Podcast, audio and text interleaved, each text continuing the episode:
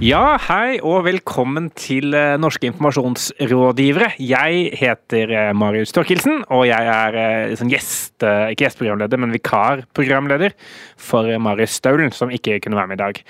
Og Derfor er det også bare aleine hjemmesending med meg og Sindre Holme. Det er meg, og ja, det er rart å bare være oss to alene hjemme. Nå kan vi være enda mer distré og rotete enn vi pleier å være.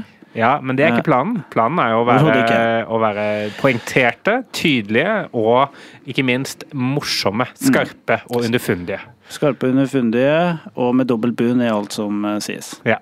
Vi er også i et eh, spesialstudio for an anledningen. Det er ikke så interessant kanskje for dere som lytter, men i dag er vi da Dette er det tredje studio-location. Det er første gang vi benytter det her, da, men eh, vi pleier enten å være hos Moderne Media eller i Forskningsparken i Sindre sin eh, Startup Village.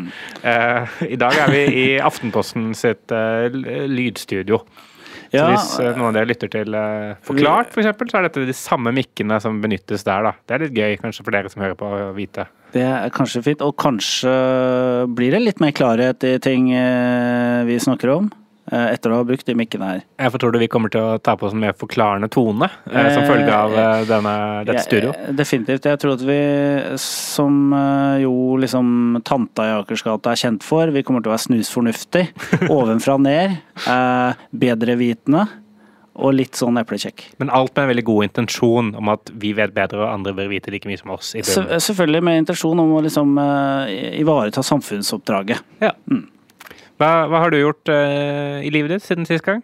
Eh, Jeg har løpt siden sist, og jeg er Løpt? veldig fornøyd med det. Ja. Eh, Jeg har delt masse bilder av meg selv som løper i sosiale Ja, det har jeg medier. sett, faktisk. Og egentlig vært så utleverende som jeg aldri har vært før. fordi at jeg er så mm, panegyrisk og, og på egne vegne, eller hva Ja. man, går det an å si det? Jeg aner ikke. Hva, hva, hva er det du har løpt for noe? Jeg har løpt noe som heter Echo Trail, som er et løp fra fra Sørkedalen, Bogstadvannet-området og inn til byen. Så det er I Oslo. i Oslo, det er skog, og det er eh, asfalt. Og, men eh, det er jo ikke bare jeg som har løpt det. Du har også løpt det løpet. Ja, morsomt at du spør. Eh, for jeg har nemlig også løpt dette løpet. Eller kortere enn jeg skal sies. Jeg løp 10 km. Så jeg, jeg, du løper jo 21 km. Ja, halv, halv maraton. Mhm. Eh, Så du har jo mer grunn til å være fornøyd enn det jeg er. Men eh, det, det er litt morsomt. Det, det løpet har en sånn der eh, profil som er sånn der eh, hippie. eh, Eller Mm. eh, økologisk løp. Så de skal på en måte ikke forsøple. Det er veldig sånn Nei, eh, det. kommunikasjonen rundt løpet. De skal ikke legge, seg, sånn, legge, legge noe spor etter at noen har vært der.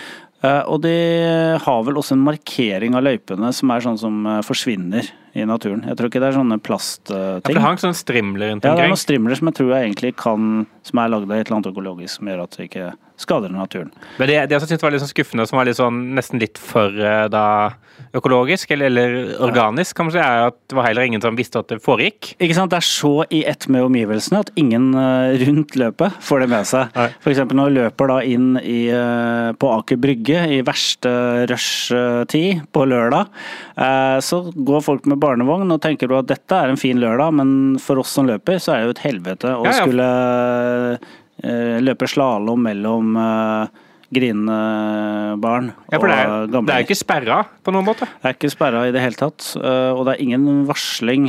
Altså, egentlig så vet du ikke om det er riktig å løpe der. Eh, Det er vel noe i asfalten her, noe piler og noe greier. Men uh, Jeg ser for meg at de der folka som gikk på Aker Brygge, må føle at de plutselig var med i en sånn flashmob. Og plutselig kommer det liksom Ja. 1000 mennesker med startnummer løpende mellom. og, og, og apropos det der økologiske, da. Så for meg så gikk jo det løpet her ganske sånn knirkefritt, og det er mye skog og sånn. Men uh, uh, noen som heller ikke får, blir varsla på forhånd, det er jo dyra. Altså her er jo 3000 eh, mennesker. Eh, ganske, og, som ser helt gale ut, selvfølgelig, når de kommer løpende. eh, som eh, invaderer faunaen, ikke sant, Ja. rundt Oslo. Og jeg løp da denne løypa og kom rundt ved Bygdøy. Uh, og tenkte at dette går jo glatt. Og så kommer jeg inn i Frognerkilen, og der ser jeg der, det er jo liksom hovedstaden til gjess, ender og svaner, skulle det vise seg. Ja. Eh, Så de ble jo ganske forstyrra av at vi kom løpende. Eh, Så når jeg kom inn i Frognerkilen her, så ser jeg et eller annet sånn hvitt fjærkreaktig. Og det første jeg tenker, hvordan i helvete hvem, hvem, har klart å lage så store måker? Eh, det var det første jeg tenkte. For du glemte at svaner var en greie? Og så glemte at svaner var en art ja. som også fins inne i, i, viker. Og der holdt jeg da på å krasje med en svane som var i ferd med å ta av. Ja. Og svaner blir jo forbanna når de blir forstyrra. Jeg, jeg trodde liksom at løpet kunne plutselig stoppe der, da. Ja. I en sånn derre Svane, felt av svane. Felt av svane. Svanekollisjon, eh, ikke sant. Mann 43 drepte svane. Eh, løp videre. Ikke sant? Løp fra åstedet, osv. Disket fra Ecotrail. jeg så for meg Harvest, store ikke sant? Med, med krigstyper i sånne naturblogger osv. Så at uh, jeg hadde for, uh, havna i dette klammeriet med en svane og, og drept den. Men det gikk uh, greit. Jeg stoppa opp og løp videre. Men jeg kan jo tenke meg at det er, ja, det er en utfordring å være dyr i sånne sammenhenger. tror jeg. Absolutt. og, og du unngikk jo da en potensiell omdømmeutfordring for ditt eget personlige brand, bare for å knytte det tilbake igjen til podkastens uh, tema. Altså, Jeg kunne f.eks. aldri uh, vært listekandidat for Miljøpartiet De Grønne etter dette her. Men det kan du nå? Det kan jeg nå, og det har jeg tenkt til. Så nei, neste stortingsvalg. Nei, men det er én ting til vi må snakke om, ja. faktisk. For jeg så du har jo faktisk lært deg å fly. Apropos. Ja, stemmer. Eller lært og lært. Eh, jeg, jeg var jo på søndag så var jeg ute og fløy i småfly. Mm. Fordi jeg har fått Jeg fikk eh, til bursdagen min en sånn eh, introduksjonstime mm. til, til flygning. Ja. Eh, og, og, det er jo da måtte jeg dra ut på Kjeller, og så bli plassert inn i et fly som var eh, Det er halvparten av min høyde, vil jeg anslå, eh, i, i høyde. Jeg er 1,90. Det flyet var 80 cm maks. Er det sånn at du, at du, sitter med hodet over flyet? Sånn over kabinen? Ja, jeg måtte, eller jeg måtte sitte Jeg måtte sitte sånn yoga-pose. Ja. For det var meg og en til inni det flyet, da. Han som faktisk var utdanna pilot. Ja. Eh, så, så, ja. Så jeg fikk lov å være med på en runde i, i, det flyet, mm. og fikk lov å styre litt. Ja. Eh, ikke lett å lande og sånn, for det må man eh, visstnok ha noe kurs for. Hæ? må du det? Svakt. okay. eh, men fikk styre til lufta, og det var eh, dritskummelt. Det var, det var, skikkelig farlig. Eh, det føltes ikke trygt ut i det hele tatt. Det, det, det, nei, det var så bitte lite, det flyet. Det, det var sånn der, jeg, jeg følte bare at at, at det når som helst kunne komme Han, han sa det også, apropos svaner, han fyren, han, han, piloten idet vi skulle lande. bare sånn, Jeg spurte han er, er det mye problem med droner og sånn. Mm. Liksom at folk flyr droner. Ja. Altså, det er jo noen idioter som flyr droner, men det som virkelig er skummelt, er jo fugler. For de har, de har jo ikke noe begrep om noen ting. Nei. Så De ser ikke propellen, de flyr bare rett inn i propellen. Da stopper ja. propellen, og da dør vi. Eh, så det sånn, Shit, hvorfor har du ikke sagt noe om dette før vi letta? Eh, Nei, for da hadde du ikke blitt med? Nei, da hadde det ikke blitt noen opplevelse. Nei, det hadde ikke blitt noen opplevelse, kanskje det, da. Nei. Så med overlevde heldigvis. Eh, så, så, neste gang det er pilotstreik, så Bare stille, ringe meg, altså. Ja, ja. Jeg, kan fly, jeg kan fly én og én person om gangen fra Kjeller, og så en runde rundt tilbake igjen til Kjeller. da. Mm. Men eh, vi må, fint. Jo, fint. Vi, vi, må jo over til uh, det vi skal snakke om. Uh, jeg ser du har, Vi har en sendeplan. dette er en litt mer organisk sending enn vanlig, uten at det trenger å bety noen ting. Men jeg ser i, i sendeplanen så har du lagt inn et, et bilde fra, fra Vy. Ja. Eh, hvor de, fordi vi har jo bl.a. sånne bybiler, altså, hvor man da kan eh, på timesbasis eller dagsbasis leie en bitte liten elektrisk jeg tror det er en Renault, eh, og så kjøre rundt. Og så er man sånn Vi prøver da å, å vise folk hva kan eh, hva er brukssituasjonen for disse bybilene. da. Og så har de kommet opp med en reklame som viser for typisk bruk av bybil. da. Ja, der har de et board eh, med bilde av denne bilen. Uh, hvor det står 'din bybil', som da uh, Vy sin uh, bildeltjeneste heter. da. Mm. Gjør det enkelt å spontankjøpe to yuccapalmer og én blomstergasse når du er en tur i byen. Uh, og så sier de 'det er en løsning'. Det er en Vy. altså Er det slagordet? Det er en løsning? Det er en Vy? Det er en Vy. Jeg, jeg tror at det Vy prøver å gjøre, er jo å gjøre sånn som vips. Det er, det er bare å vipse. Ja, ja. Det, det, er en vy. Altså, dette er jo et uh, uh, Mens vips tok uh, klarte å lage et verb, så ønsker Vy å gjøre seg, gjøre seg til en, et substantiv. Er det ikke det de gjør? Jo, det er, jo, det er, en, det er en vy. Ja. ja, ja. Ja, for. De kunne gjort det sånn adjektiv sånn de er litt vyete. Det er, det, det det er, er en vyete løsning. Det er vyete. Rimelig vyete. Ja, Rimelig vyete. Småvyete, små, småvyete løsning. Men jeg, jeg, føler jo det, det er Vips også i sin tid. De, de gjorde jo sånn Ja, de bare begynte å bruke det sånn derre eh, Bare sånne forskjellige sånn SMS-samtale på sånn boards hvor sånn, en hadde spandert pizza. Så var det en som svarte ja, jeg vip, vipser deg 200 kroner. Så, Ja. så var det sånn, ja, vipsing, det er en Ja, greie. Liksom. Det er sånn gjenkjennbare situasjoner, da. Men vi jeg, jeg har aldri stått i byen med to yuccapalmer og tenkt sånn Hvordan i helvete kommer jeg meg er Alt er fremmed med Ja. den situasjonen de beskriver. Det er ikke noe gjenkjennelse i det. Uh, og en yuccapalme, jeg måtte tenke på, er ikke yuccapalme veldig høy? Uh, og er det egentlig det i den bilen der? Jeg, jeg tror de lyver. Jeg tror ikke det fins Jeg tror hvis du ser inni den bilen, lukker opp døra, det er ikke Yucapalme inni der. Ja, nei, eh, kanskje vi burde fått faktisk.no til å ettergått dette her. Eh? Gjennomsnittshøyde på Yucapalme er et eller annet. Eh, Ja, det er ikke en Vy. Nei, det er ikke en vy. Dette er ikke en løsning. Dette er, dette er revy. Ja. Da skal vi i gang med ukens eh, saker. Eh, Staulen, du kan gjerne legge- ned en jingle her. Norske informasjonsrådgivere. Yes, eh, Norges idrettsforbund er jo da et av Norges, eller kanskje det største særforbundet, eller eh, folkebevegelsen, den største folkebevegelsen i Norge. De har jo valgt ny generalsekretær i uka som har vært. Tom Tvedt, den uh, sørgelige Tom Tvedt, skal man si etter hvert. Han Ja, var- litt. satt ikke igjen med så mye tillit. Han Nei. måtte gå av. men Han fikk fornyet tillit. Og Berit Kjøll uh, fikk dermed uh, delegatenes tillit for sin vy, og eh, har blitt valgt da som ny, ny, ny leder. Ja, og Tom Tvedt, som jo eh, var led, eh, generalsekretær før Berit Kjøll ble valgt, han eh, sier til NRK at eh, det er helt klart at 15 000 negative medieoppslag har satt sitt stempel.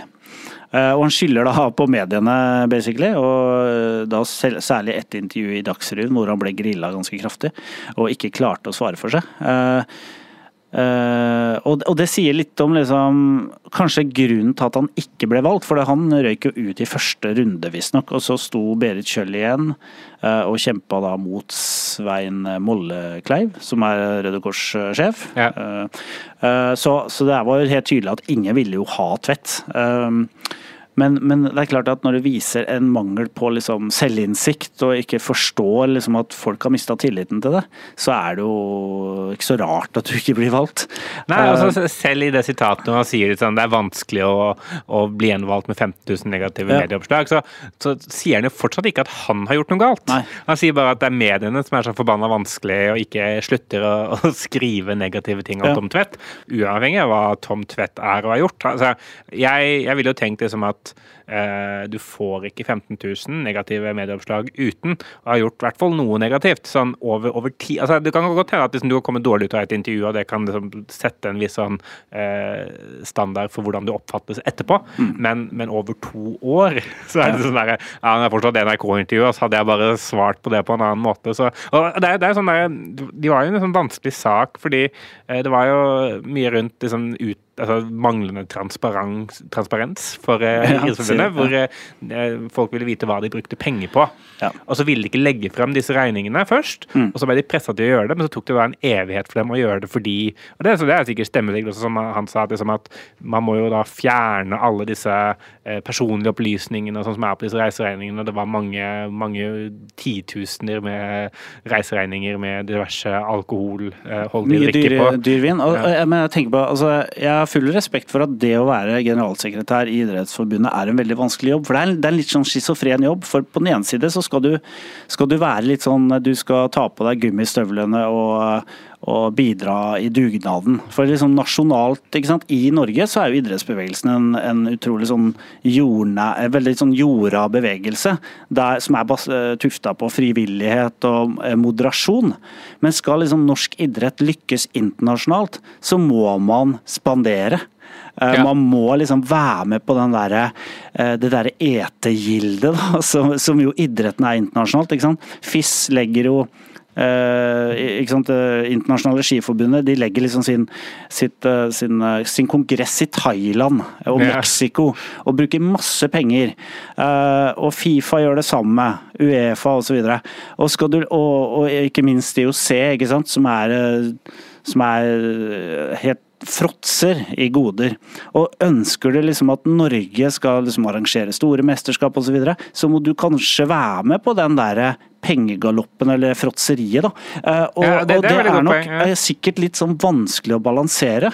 Så når det blir dominerende i mediebildet, så er det umulig for Tom Tvedt å portrettere seg selv som en moderat type som er opptatt av grasrota og dugnader osv. Og, uh, og klarer ikke å håndtere det. Og den historien føler jeg at de ikke har klart å fortelle heller. Og det, er, og det er sikkert litt sånn vanskelig også for Tom Tvedt eh, å sitte på middag med IOC og være sånn eh, Can we only pay for our own dinner, please? Eh, we, we don't wanna we, we pay for our wine and you pay for your wine. Altså I have a brødskive with brunost. That's fine for me. Yeah, I, I don't need any any foie gras. I brought the brunost. You know, it's it's uh, perfectly nutritious. Yeah, it's uh, it's it's a very good consistence, and it's uh, yeah, you should try it. Ja, og, og det er også vanskelig å komme hjem og si sånn der, vi måtte bruke mye penger på vin, for så syns ikke IOC at, at vi er kule. Eh, uh, det er også en vanskelig sånn, Selv om det er veldig gjenkjennbart. da. Uh, jeg føler jeg hadde fått forståelse for det hvis det var mediestrategien. bare sånn, De syns vi er teite, de syns vi er duste hvis vi ikke bruker masse penger på vin. Det fascinerende her er jo også at uh, Berit Kjøll, som uh, egentlig ikke var en kandidat uh, særlig lenge til å få det her toppledervervet, hun bestemte seg på et eller annet tidspunkt at det her, den jobben har jeg lyst på. Mm. så hun dro jo til idrettstinget. Og etter hva jeg har skjønt, så snakka han, hadde hun møte med alle eh, alle mulige delegater, alle fylker osv. Og, så videre, og forskjellige særforbund. Og, og fikk da godstakka med dem helt til klokka tre på natta. Og, og våkna dagen etter, og da plutselig satt hun der som, eh, som generalsekretær. Men det er også fascinerende. Jeg så Det var en DN-sak eh, på søndag, tror jeg, eh, hvor det viste seg at det var ikke, hun dro ikke dit alene. Hun var jo flankert av det da DN kanskje med rette kaller PR-tropper. Fordi eh, på veien mot presidentvervet i idretten har hun fått råd både av Synktopp Klaus Sonberg, Ja. Røkke-talsmann Rolf Nering, PR-nestor Hans Gelmeiden og tidligere Tinetopp Katrine Moe. Ja. Så hun har jo da brukt eh, sannsynligvis da millioner på PR-rådgivning. Eh, og dette likte jo ikke Det er, det er en dårlig start, da. Ja. Eh, når du får et sånn DN-oppslag eh, på da det motsatte av moderasjon. Eh, nettopp, og det virket overkill å ha både Klaus Sonberg og Hans Gelmeiden. Eh, man skulle tro at liksom en av de var nok, men det er virkelig heavy hitter-team. Eh, virkelig. Det er mye maktflytting der, føler jeg. Veldig, og man kan jo se for seg liksom kommunikasjonsavdelingen til Norge, Idrettsforbundet etter dette her. eh, kan bli rimelig kraftig overkjørt av, av disse store navnene. Jeg aner ikke. Men nei, nei, det er veldig fascinerende. Og hun har vært veldig åpen om det også. At hun har brukt, fått råd. Og det er jo en Det er gøy å se liksom en så Og hun har vist det som er litt kult, hun sier jo det hun er opptatt av. Hun sier at vi må være åpen, åpne. For det det, det som felte Tom Tvedt, var manglende åpenhet. For Ja. han ble hele tiden Han ble mm, liksom eh, sjø, Han ble mm, forfulgt hele tiden av, av manglende åpenhet, fordi at han, eh, han aldri kom eh, på offensiven. Men det har jo hun sagt at det hun er veldig opptatt av. Og og det er jo liksom meta, og det er veldig fint at hun er så åpen om hvordan hun fikk denne jobben. For det bare viser at hun er ikke redd for å være åpen. Nei. Hun er bare, du kan, du kan ikke ta henne på noen ting. Basert på din eh, PR-faglige ekspertise og erfaring opp gjennom eh, Du er nesten nestor da nå, vil jeg si. Eh, Hva er ditt hovedråd til Berit Kjøll for å, for å bli den mest likte lederen i Idrettsforbundets historie? Eh, ja, det var det. Eh, Ikke gjør som Tom, ikke bli tomt fett. Norske informasjonsrådgivere. Ja, denne, denne uka inviterte P3 til uh, nasjonal runkekveld. Ja, du hørte riktig. Uh, Tuva Fellmann i NRK, som bl.a. er kjent for å uh, være programleder i Juntafil, som er et program om sex på P3. Hun eh, inviterte til dette her. eh, Og um, satte av en hel kveld til at folk skulle bli, være opptatt av onani. Og før kvelden så sier hun hvor mange får vi til å onanere? Er det en landsdel som er bedre, enn, bedre til å onanere enn andre? Og hvor godt er Brønnøysund representert, f.eks., spurte uh, Fellmann. Ja, jeg, jeg føler jo lenge at det har vært mye sånn Eh, sånn gjengående eller gjennomgangsspøk har jo vært liksom hvor skal dette minutt for minutt eh, sakte TV-greiene til NRK ende, og det er jo tydeligvis her. Mm. Det er et slags PR-grep også fra, fra, P3. Jeg vet ikke hvordan det går liksom, med lyttingen til Juntafil, om Juntafil liksom sliter med å holde seg eh, relevant og aktuell i, i, en tidsalder hvor stadig flere da har tilgang på nett, mm. og, og, eller nå har vel alle tilgang på nett. Um, men hvor flere da også får eh, mulighet til å finne svar på råd, og ikke trenger å sende inn spørsmål til Tyva Fellmann, som skal, skal sitte her og høre, høres ut som hun er eh, naturlig mm. eh, når hun eh, snakker om seksuelle ting. Eh, jeg mistenker at eh, vi om ikke så lenge kommer til å se at uh, Juntafil legges ned. Uh, på samme måte som uh, oh, Jeg husker ikke hva han DJ Friendly måtte pakke ja. snippveska og, og, og, gå. Måtte, eller Howard. Howard, ja. Uh, shortcut på topp 20. Så skal også Juntafil inn i de glemte P3-programs rekker, tror jeg. For dette virker som det, Jeg, jeg tolker det som et stunt som er liksom laget ut av desperasjon for å vise at juntafil faktisk har en posisjon fortsatt. Mm. Og, det er, det er, i hvert fall en, eh, en, eh, en type eh, program som veldig mange syns er veldig tror jeg, vanskelig å høre på sammen med foreldra sine. Uh, og det, man, det, gjør man kanskje ikke på P3 uansett, men uh, vi får vel da si, si, si, det sånn at Juntafil kommer til å bli lagt ned, og så kommer uh, garantert hun Tuva Fellmann til å lage en egen podkast om onani. ja. Som for, ingen kommer til å høre på? Fordi... Ingen kommer til å høre på, for det er for flaut. Ja. Norske informasjonsrådgivere. NRK Beta de har, de har laget en, eh, en, oversikt over de nettstedene i Norge som eh, da, eller som serverer eh, brukerne sine mest cookies eh, når man besøker eh, nettstedet. Og, og, dette er jo da eh, negativt, fordi jo flere cookies du får i, i browseren din, jo mer vet selskapene om deg, og jo mindre liksom, personvern har du egentlig. Og, og oppfordringen sånn generelt sett fra Datatilsynet og sånn er jo om at ikke innhente personopplysninger som ikke er nødvendig å hente inn. Eh, og det som også er det kanskje litt overraskende her, er at blant de som innhenter desidert mest informasjon om brukerne sine, er, eh, så ligger eh, TV 2 veldig veldig høyt oppe på den lista. Eh, kanskje enda mer overraskende er at eh, på denne topp 30-lista så er Karoline eh, Berg Eriksen, mm. eh, tidligere fotballfrue, eh, også på 30.-plass. Eh, foran da masse store nettsteder som VG og Finn og andre typer ting som også er interessert i brukerdata. Ja, og hvorfor er Karoline Berg Eriksen så høyt oppe? Det er jo litt interessant å, å se på. Uh, altså Hun har for lengst blitt en, en av Norges største mediekanaler, kan man si. Eh, men eh, det man kanskje ikke tenker på, eh, er jo at hun og hennes mann, hennes managermann, tidligere fotballspiller, de jobber da ganske aktivt, sannsynligvis, med å kartlegge leserne til Karoline Berg Eriksen, for å da kunne selge den informasjonen videre til annonsører. Sånn at uh, når man da tenker, hvis man besøker en blogg og tenker at ja, ja her blir jeg utsatt for uh, en Ja, her ser jeg Karoline Berg Eriksen spise yoghurt. Dette er en sponsa post. Det er ikke så interessant for meg. Uh, så er du allikevel med Du er jo på en måte en del av hennes kommersielle maskineri, da, gjennom at alt du gjør der inne, vil bli spora og, og kunne bli solgt ja, og, i, og ikke bare spora, men eh, et, eh, altså, i den NRK Bedre-saken så viser man at eh, et besøk på karolinebergeriksen.no det gir deg 140 cookies.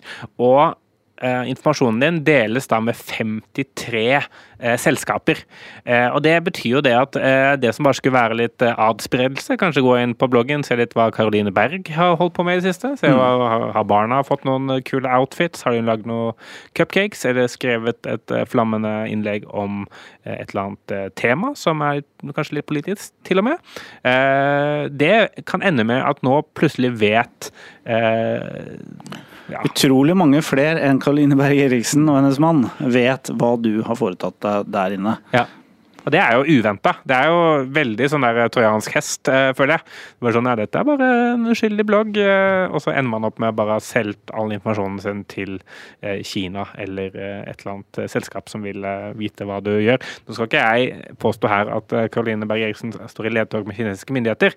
Alt jeg sier er at vi vet ikke, og vi er nødt til å finne ut av, Vi, finne ut av vi sier heller ikke at det er russiske trollfabrikker som nå vet av alt du gjør 24 timer i døgnet, men vi sier heller ikke at eh, ikke vet det.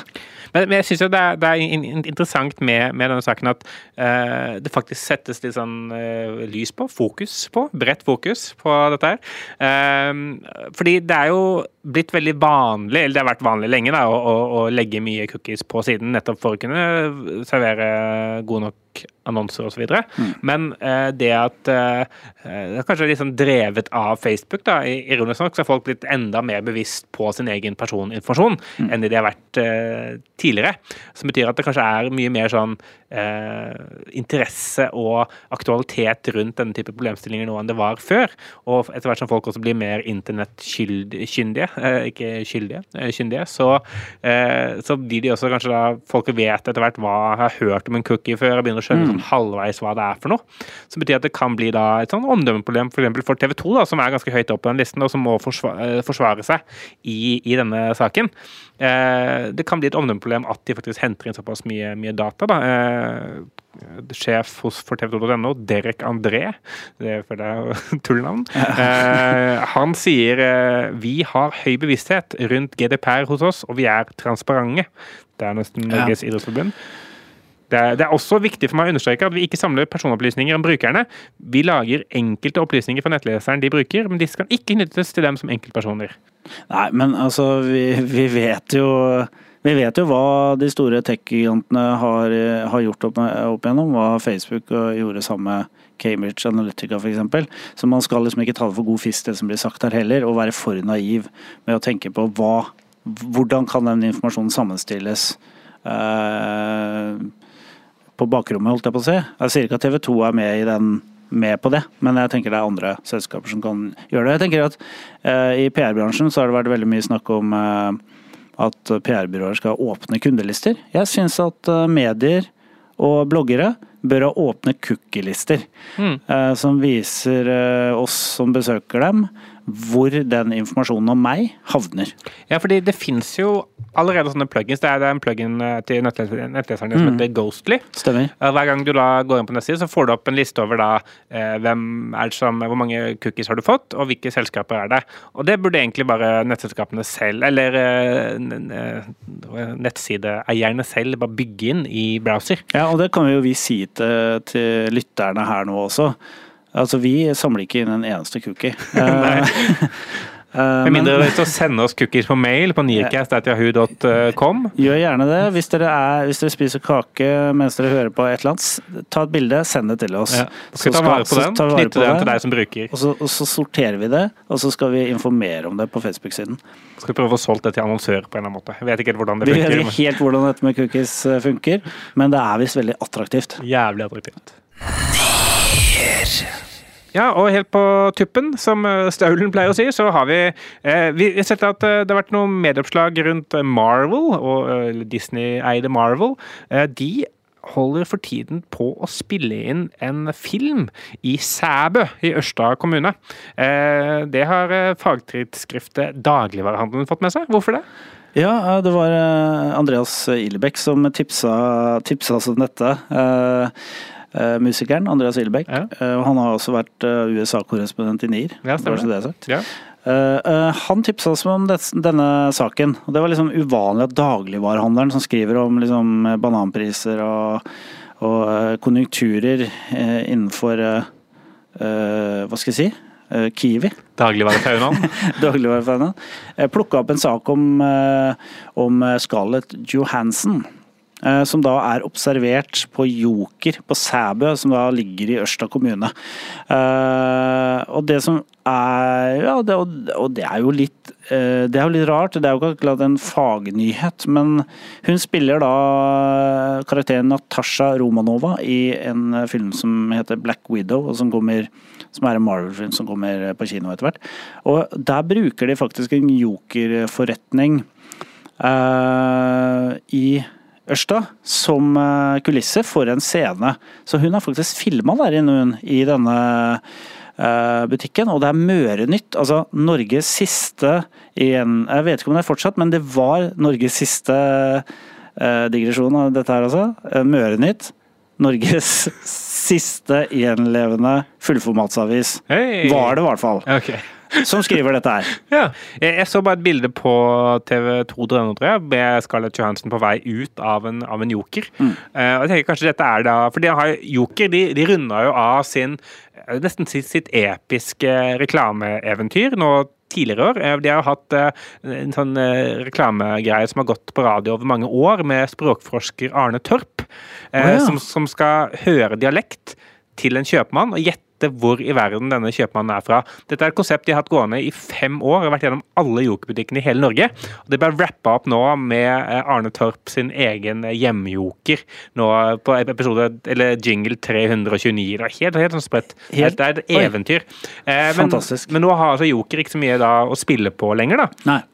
Så jeg lurer på kanskje det- dette er et stunt da, også, eh, fra, fra Joker. For å følge opp eh, Arne Torp eh, de har i sitt og kanskje nå er, liksom hvilke, nå er det forskjellige Hollywood-kjendiser som, som er på Jokeren. Skal du gjette ut fra liksom hvordan de liksom, Klangen i bakgrunnen, hvordan de tar opp Mm. frukt, legger den i uh, handlekurven. Hvor er det Hollywood-kjendisen er nå? Jeg, jeg håper på i hvert fall at, at eh, Joker kjenner sin besøkelsestid, og, og det, det kan kanskje man ikke har lov til å gjøre noe sånt. Disney er jo noen jævler å ha, ha med å gjøre når det Ja. kommer til å benytte seg av Disney-ting. Hvis Altså- de klarer å hinte til det på en kul måte, eh, så kanskje de kan få litt eh, PR. Altså, jeg ser liksom ikke helt for meg at en jokerbutikk passer inn i en Marvel-film. altså, Nei, Spesielt også fordi det er et engelsk ord som betyr da Joker. Joker. Ja, ikke sant. Joker. Liksom, hva har det ikke sant? Og, og det er så Det fins jo ikke noe liksom mer nært og bondsk, på en måte. Eh, og distriktsaktig som Joker. Og det finnes jo ikke noe mindre distriktsaktig enn Marvel, på en måte. Nei. Eh, så det blir jo spennende å se hvordan de, liksom, hvordan de fremstiller denne scenen. Eller om det rett og slett blir klippet bort. Ja, det er? For det, er jo Jokerbutikk havna nesten i Marvel-film. ja, ja for det, det var jo sånn Her var det jo en nyhet tidligere i uka.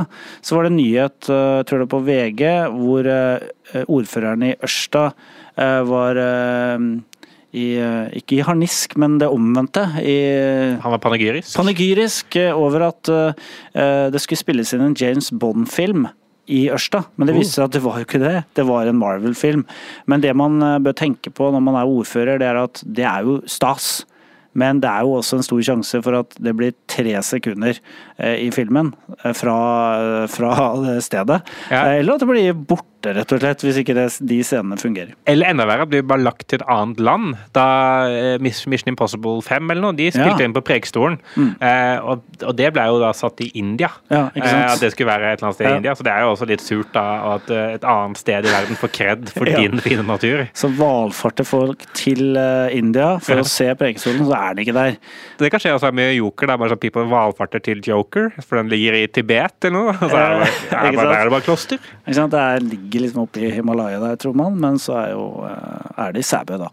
Eh, Sæbø er for øvrig et jæv- jækla fint eh, sted. Eh, Jeg har sett noen bilder derfra, og jeg har vært en del oppe på Sunnmøre der òg, så jeg skjønner jo at de vil filme inn eh, eh, scener fra en jokerbutikk akkurat der. Ja, det, det er ikke vanskelig å forstå det. Det er jo blant er, er, topp 15 fineste jokerbutikkene beliggenhetsmessig i, i Norge, vil jeg, vil jeg påstå. absolutt. Eh, til, til slutt skal vi også innom eh, Bob Woodward. Ja, for han eh, kommer til Norge i juni, og det er jo en av disse kara som eh, som eh, felte Nixon, kan man si, eh, i sin tid.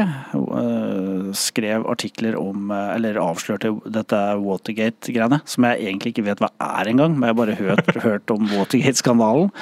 Og han kunne avsløre hvordan han begynner sine intervjuer for å få intervjuobjektet interessert. Eller få intervjuobjektet til å åpne seg, og det syns jeg var interessant. fordi vi har jo vært journalister begge to. Uh, og liksom Jeg har aldri tenkt på det. Hvordan skal jeg starte et intervju for å få, liksom, for å få samtalen til å gli og få intervjuobjektet til å like, like meg? Uh, derfor så har jeg all heller ikke gjort noen stor karriere innen journalistikken, sikkert. Uh, men hvordan pleier du å begynne dine intervjuer? Nei, ellers, ja. Eller Faen, ass. ja, og det funker dårlig. Ja. Men hvordan begynner Woodward sine Nei, han intervjuer? Begynner alltid med de samme orda, som er 'jeg trenger din hjelp'. Altså 'I need your help'. og det det syns jeg hørtes så smart ut. Altså, det høres ut som en utrolig fin måte å få intervjuobjektet til å føle seg viktig. Ja. Uh, og det er en utrolig bra strategi, helt sikkert, for å Uh, for å også gjøre intervjueren mindre enn intervjuobjektet. For da, ja, da, da, setter man på en måte uh, situasjonen på en sånn måte at intervjuobjektet er den som sitter med nøkkelen, og intervjueren er egentlig clueless, på en måte. Eh, vet ikke noe særlig, og kan fremstille seg selv som en person som egentlig bare ønsker å finne ut av noe på en ærlig måte. Eh, og med det så er vi da ferdig med ukens uh, sending. Uh, inntil neste gang, hva har du av planer? Skal du løpe noe mer? Eh, jeg kommer til å fortsette å løpe, men ikke løp. Men, men hva løper du fra, Sindre? Jeg løper fra døden. Ja, døden, ja. ja. ja. ja bra, bra svar. Eh, jeg løper mot fremtiden. Eh, takk for at du hørte på. Eh, du finner oss på facebook.com slash norske informasjonsrådgivere, soundcloud.com slash eh, nearcast, og du kan også sende oss eh, post eh, til eh, en adresse, hvis du finner den. det er bare å sende det. Marius Staulen er tilbake neste uke. Det samme er vi. jeg er Marius Torkelsen, og jeg har hatt med Sindre Holme. Og vi ses om en uke. Inntil da, ha det bra! bra. Norske informasjonsrådgivere. Moderne media.